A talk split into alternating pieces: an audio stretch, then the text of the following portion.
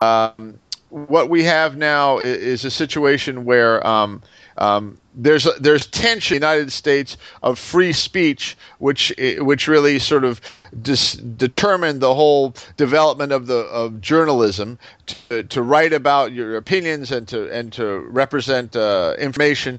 And there's there's conflict between our our tradition of free speech with both um, the need to make profit off of news and the and the need to influence people in a in a manner that basically relies on political propaganda. So uh, right now, that that is a, that conflict is playing itself out in in television news. So there are some stations which are decidedly uh, essentially vehicles of all of almost political parties, which just are are pre- pre- presenting news that has a has a completely political agenda, and then there is news that is really designed purely to make money and to sell and to attract uh, viewers. So mm-hmm. it often tends to be um, very sensationalistic and at the same time very simplistic because the goal is not to offend anybody and so you don't want to alienate any viewers within that context. So uh, and then you have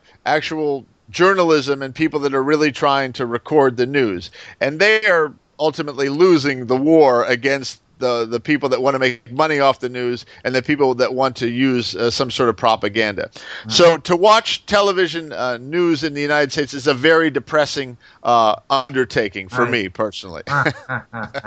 no, it's a very it's very uh, your, your your opinion is very interesting. It is maybe close to mine to mine. Yeah, maybe.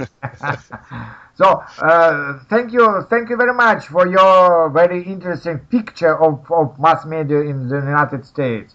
Uh, till the next time, okay? Thank you very much, Yevgeny. It is always a pleasure to speak with you. Okay, thank you.